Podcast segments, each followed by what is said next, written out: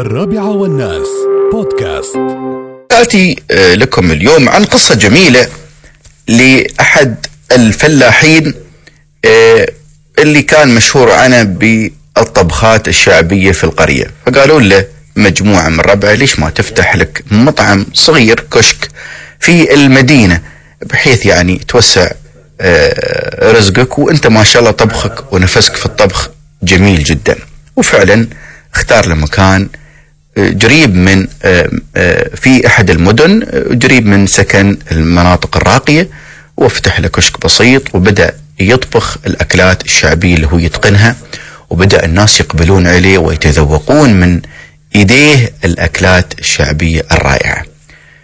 مر واحد من التجار في المنطقة هناك وشاف إقبال الناس على صاحب هذا الكشك ففكر أنه يفتح أيضا صنعة مثل صنعة هذا الفلاح وفعلا فتح له محل آه، قريب منه آه، بعد تقريبا ست محلات وبدأ يتاجر بالأكلات أيضا الشعبية وأنواع أكثر من الفلاح.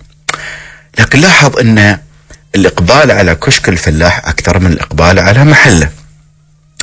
فلجأ إلى طريقة أخرى يعني آه، لا أخلاقية. قال أنا خليني أشوه سمعة هذا الكشك وما ترك يعني محفل من المحافل ولا اجتماع من الاجتماعات ولا عرس ولا ولا ميلس ولا أي مكان. كل ما يصير مكان ولا قهوة ويا ليس يا ربعة تحذروا من راعي الكشك هذا. ترى أكله ما بنظيف و والصحة والسلامة في وادي وهو في وادي من هالكلام.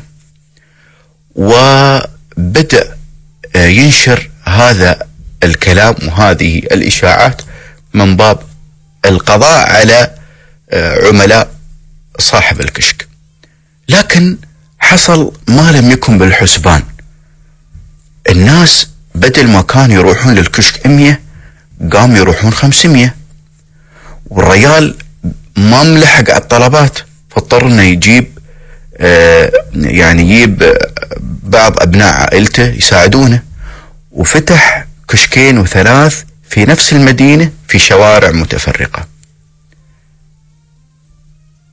شو اللي حصل؟ هذاك التاجر ما انتبه لشيء هو سواه بالغلط. هو ما يسمى بالدعاية المعاكسة.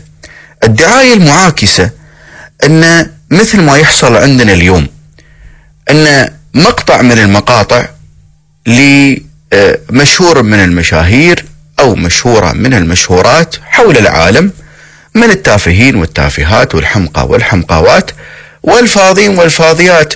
يروحون الناس من باب الاستهزاء ومن باب التحذير ومن باب الانتقاص ومن باب شوفوا شو يقولون وشوفوا شو تقول وينشروا مقاطعهم في الجروبات وفي وسائل التواصل الاجتماعي وعلى منصات لها متابعين كثر.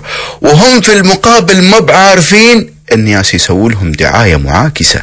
شو الدعاية المعاكسة؟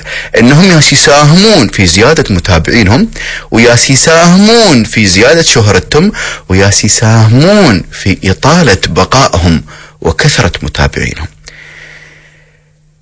لا تنسون مقولة عمر الخطاب رضي الله عنه أميت الفتن بالسكوت عنها. فلو ما نشرنا لهم ما بينتشرون. ولا تنسون تنزلون تطبيق مجتمعي آمن. وتنزلون عليه أي مقطع في السوشيال ميديا مخالف لقانون جرائم تقنية المعلومات. أسأل الله يسعدكم يا رب.